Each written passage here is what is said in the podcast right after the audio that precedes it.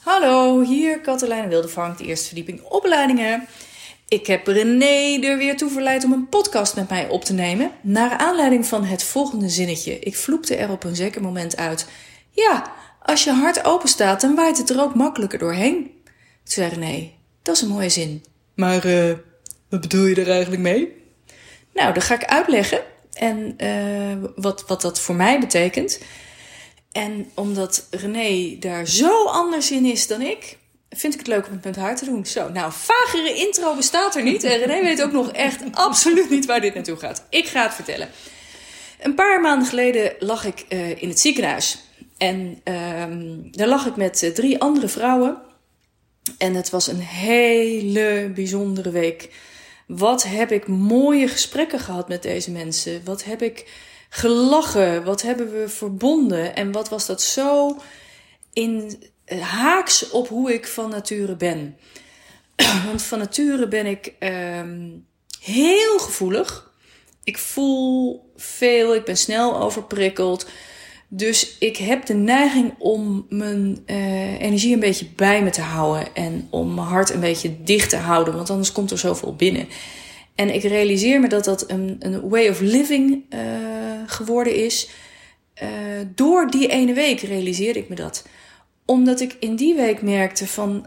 Jeetje, het is eigenlijk veel makkelijker om open te stellen voor andere mensen en liefdevol in het leven te staan dan steeds maar te proberen jezelf te beschermen. Nou, in die week, dat was een week van overgave, want ik had, uh, zat aan een infuus met allerlei medicijnen waar ik al jaren niet aan wilde. Dus het was ook echt een week van, van overgave en, en dingen anders doen. Merkte ik hoe leuk het was om echt met mijn hart connectie te maken en hoeveel lol we hadden. En nou, en toen kwam er een, een paar weken later uh, kwam ik bij de yoga en hadden ze de dag daarna een speciale kerstles. En toen zeiden ze, want ze kennen me een beetje, van uh, ja, maar het wordt wel heel druk hoor. En toen vloepte ik die ene zin eruit van ja, maar ik heb ontdekt dat als je hart open hebt, dat het er ook sneller doorheen waait. En toen dacht ik, nou, die houden we vast. Dus, dus dat is een beetje een, een leerproces waarin ik nu ben. Dat al die prikkels en al die emoties van anderen en al die gedoetjes dat het daar eigenlijk makkelijker mee te dealen is als je voor- en achterdeur open hebt dan wanneer je alle luiken dichtknalt en dan komt zo af en toe via een tochtluikje komt er iets binnen en dan denk je, moet ik hiermee, moet ik hiermee? Nou ben ik weer overprikkeld en weg ermee. Nou, dat was de aanleiding hiervan.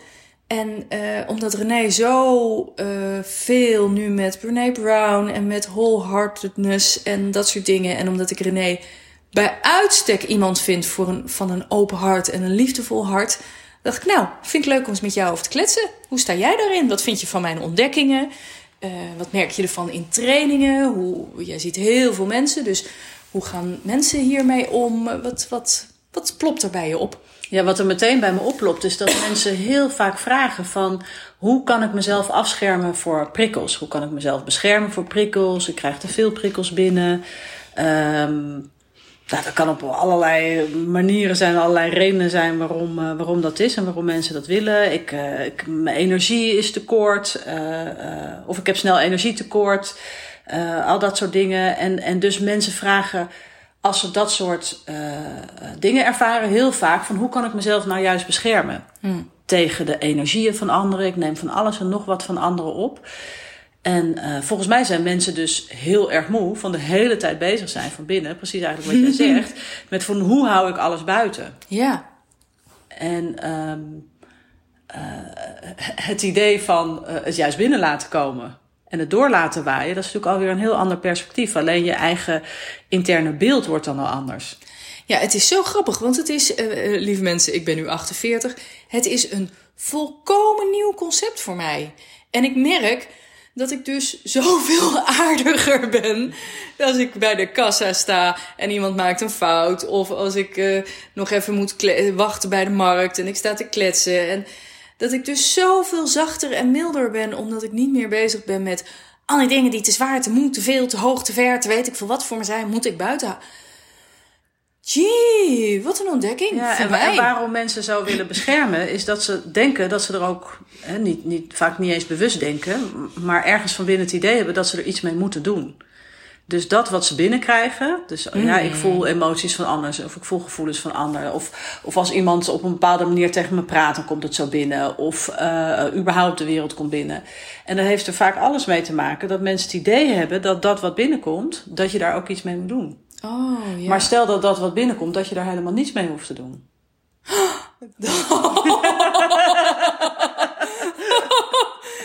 Nu heel hard lachen, omdat René mijn hele lijf een soort huppeltje ziet maken van... Oh, dus dat, wat er allemaal binnenkomt. En ik voel me een soort, soort bijna, bijna loser kleuter dat ik hier in een podcast zit te vertellen dat het voor mij een eye-opener is. Dat ik denk, oh jeetje, sta ik dan toch weer helemaal aan het begin van het ontwikkelpad. Maar jeetje, wat een verruimende gedachte. Dat, um, en waarom is dat voor mij nou zo'n verruimende gedachte? Ik zeg wel eens, ik ben opgegroeid met het, gedachte, met het gevoel en de gedachte dat ik de center of the universe ben. En dan niet de center of the universe van uh, alles moet om mij draaien, ik ben zo belangrijk. Maar wel center of the universe van alles wat ik voel, alles wat ik zie gebeuren, alles wat misgaat om me heen. Uh, daar de hele tijd het gevoel van te hebben dat dat door mij komt dat ik daar op een of andere manier schuld aan heb of verantwoordelijk voor ben. En dat ik er dus iets mee moet. Dus, uh, en, en ik vond het dan een ontdekking dat ik, uh, nou, je weet, ik ben getrouwd met een man die uh, volgens mij ontzettend makkelijk voor een achterdeur open heeft en er doorheen laat waaien wat, hij, wat, wat, er, wat er weer uit mag wapperen, mag eruit wapperen. Omdat hij helemaal niet het gevoel heeft dat hij ergens iets mee moet. En ik moet altijd overal van alles mee. Ah, jeetje, ja. En ik realiseer me dat dat weer te maken heeft ook met wat ik net zei van... Um, systemisch bezien voel ik altijd de druk om uh, boven tafel te houden, te halen wat de kern is, waar het over gaat, wat mensen proberen te verstoppen. Dus er zit ook veel moed in mijn systeemdynamiek. Maar ha, ik vind het een prettige gedachte, René. Ja, en, en, en als ik dan even denk aan Brene Brown, want die was ik, uh, was ik deze kerstvakantie aan het lezen. Dare to Lead heet het boek. En ik weet even niet meer hoe het in het Nederlands heet. Maakt ook niet uit. En, uh, zeg het nog een keer, want het ging... De, dare to Lead. Mm -hmm. Nee, zo heet het niet eens. Dare to, iets met Dare. Daring Greatly, zo heet het. Ze heeft ook een Dare to Lead boek. Maar dit, dit boek heet Daring Greatly. En uh, daar heeft ze het over wholehearted people. Ja geen Nederlands woord voor. Nee, iets iets met uh, holhartelijke mensen. Met heel je hart. Met heel je hart mensen. Hartige mensen. Lekkere hartige mensen. Uh, heartfulness. In ieder geval leven vanuit het hart. En een van de dingen die zij dan uit haar onderzoeken haalt... is dat het enige verschil tussen mensen die kunnen leven vanuit hun hart... en mensen die niet kunnen leven vanuit hun hart... is dat mensen die kunnen leven vanuit hun hart... dat gevoel hebben van dat ze het waard zijn voor liefde en erbij horen. Hmm. En mensen die niet met hun hart kunnen.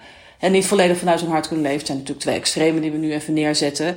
Is, die hebben het gevoel dat ze het niet waard zijn voor liefde en erbij horen. En als het dan weer gaat van dingen er doorheen laten stromen, waarom sluit je je hart af?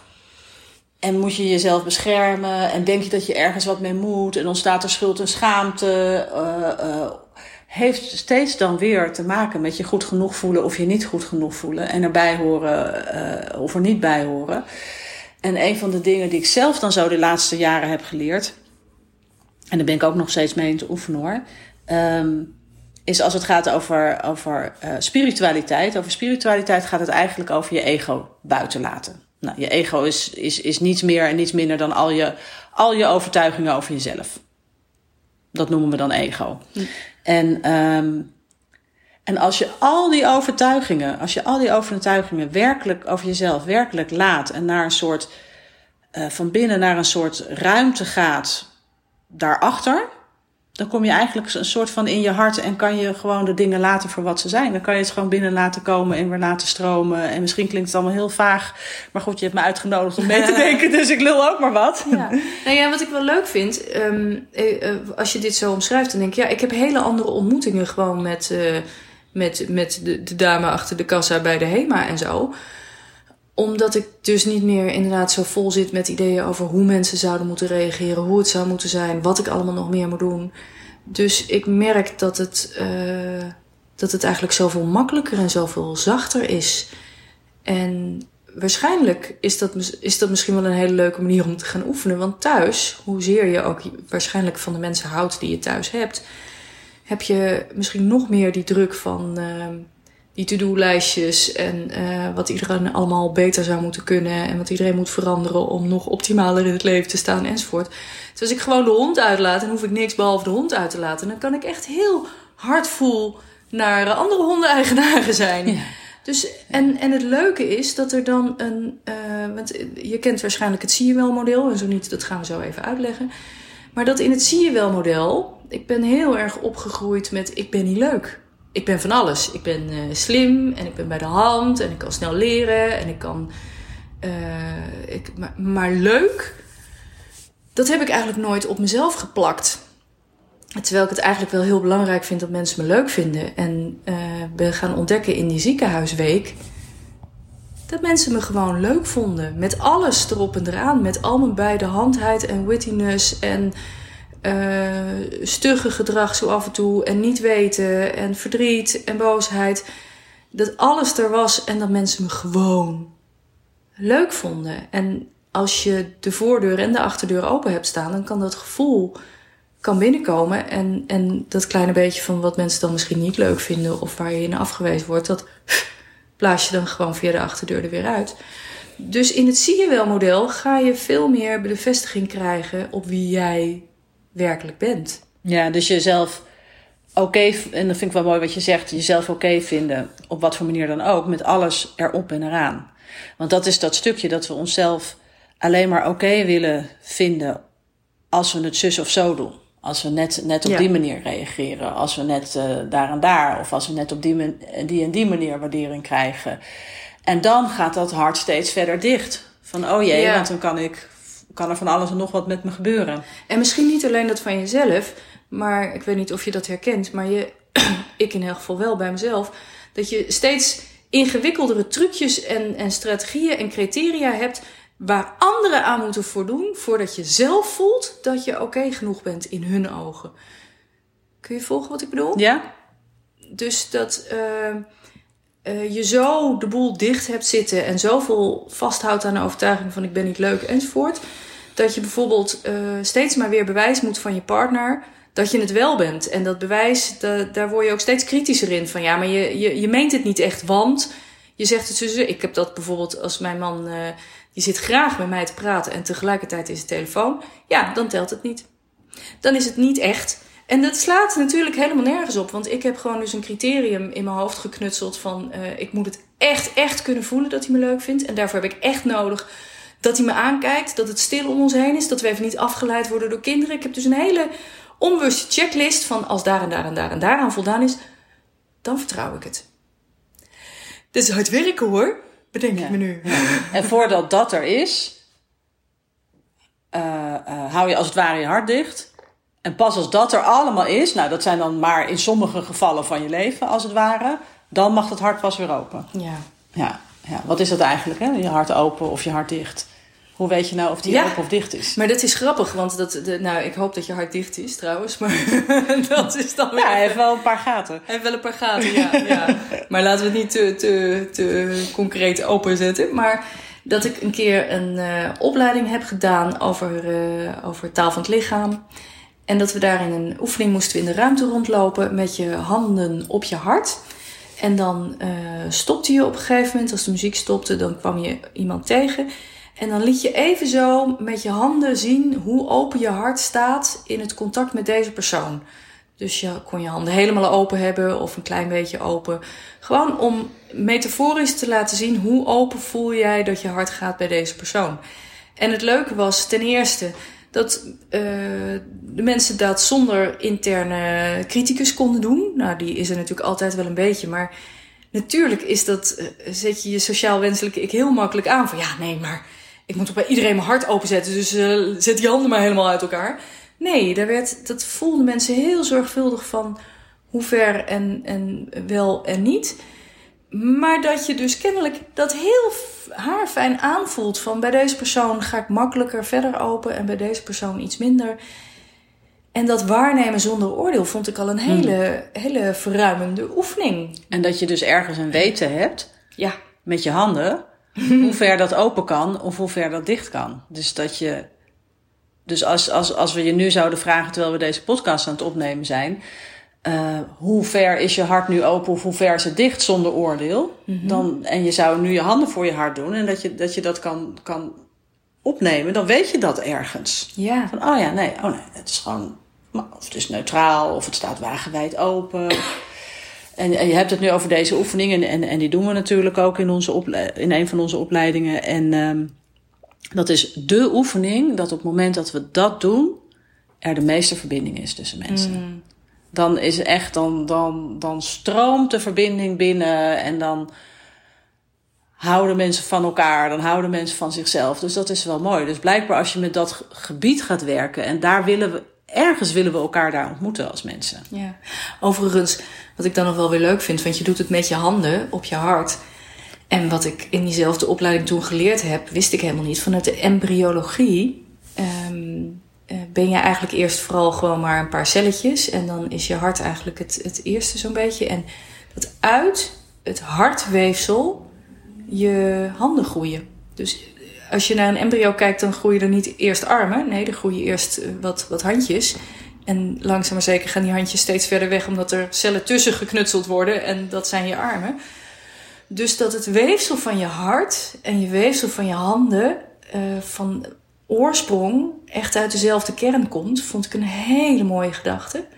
En toen moest ik ook even denken aan uh, hoe belangrijk handen zijn dat ik een jaar of 17 geleden ben ik een keer geopereerd. En toen uh, moest ik bijkomen uit uh, narcose. En als je terugkomt uit narcose, dan um, gaat eigenlijk je emotionele deel van je brein gaat als eerste aan. En je hele analytische denkbrein, waar ook je oriëntatie zit, wie ben ik en waar ben ik, dat gaat pas veel later aan. Dus eerst ben je gewoon. En dus ik word wakker zonder dat ik nog kan bedenken wie ik ben en waar ik ben.